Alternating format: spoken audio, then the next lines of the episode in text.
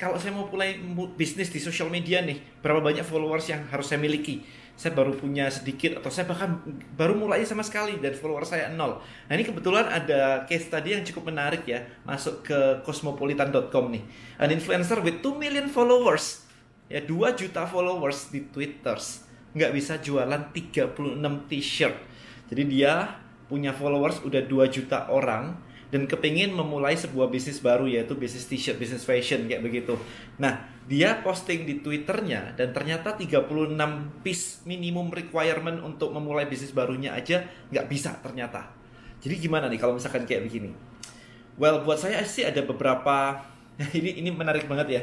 Uh, beberapa orang sampai mengatakan kayak begini nih. Um, si fail, kemudian apalagi nih?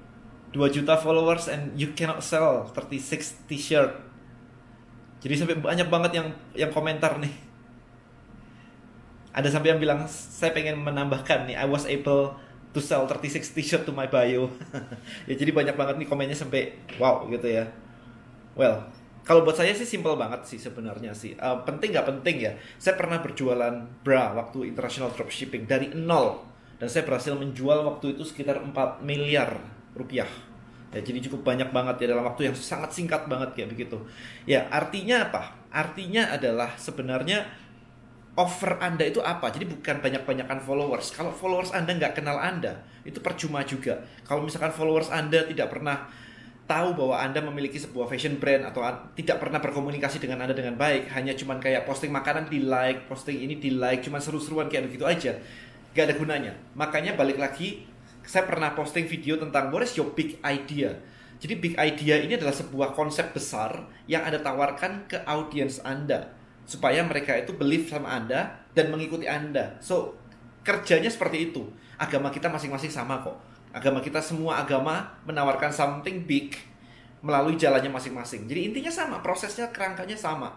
Jadi bukan numbers followers itu sebenarnya adalah number-number yang angka-angka yang sebenarnya nggak terlalu relevan digunakan dalam bisnis. Kayak kemarin misalkan ada bisnis baru atau uh, sebuah on offline bisnis yang mau masuk ke online dan yang dipikirkan adalah gimana sih caranya nambah follower saya.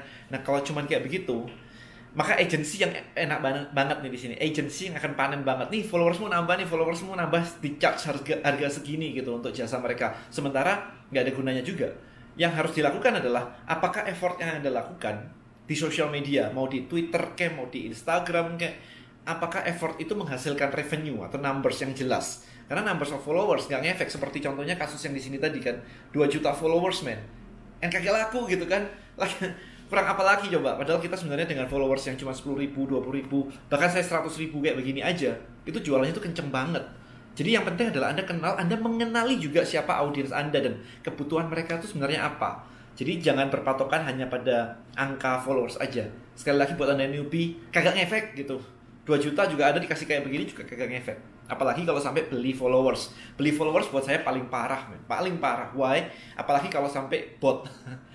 Gunanya apa? Social proof doang. Social proof doang berarti yang di feed adalah ego Anda.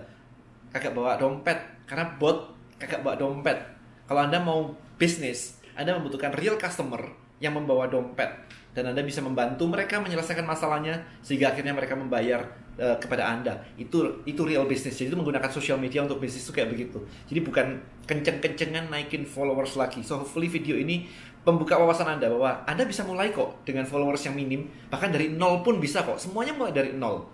Yang penting Anda memiliki big idea, kemudian Anda berkomunikasi, Anda memiliki relationship yang baik dengan audiens Anda, kemudian Anda tahu problem mereka apa, dan Anda punya solusinya untuk problem mereka. Itu aja sih, sesimpel itu. Okay, thank you so much for watching this video. Bye.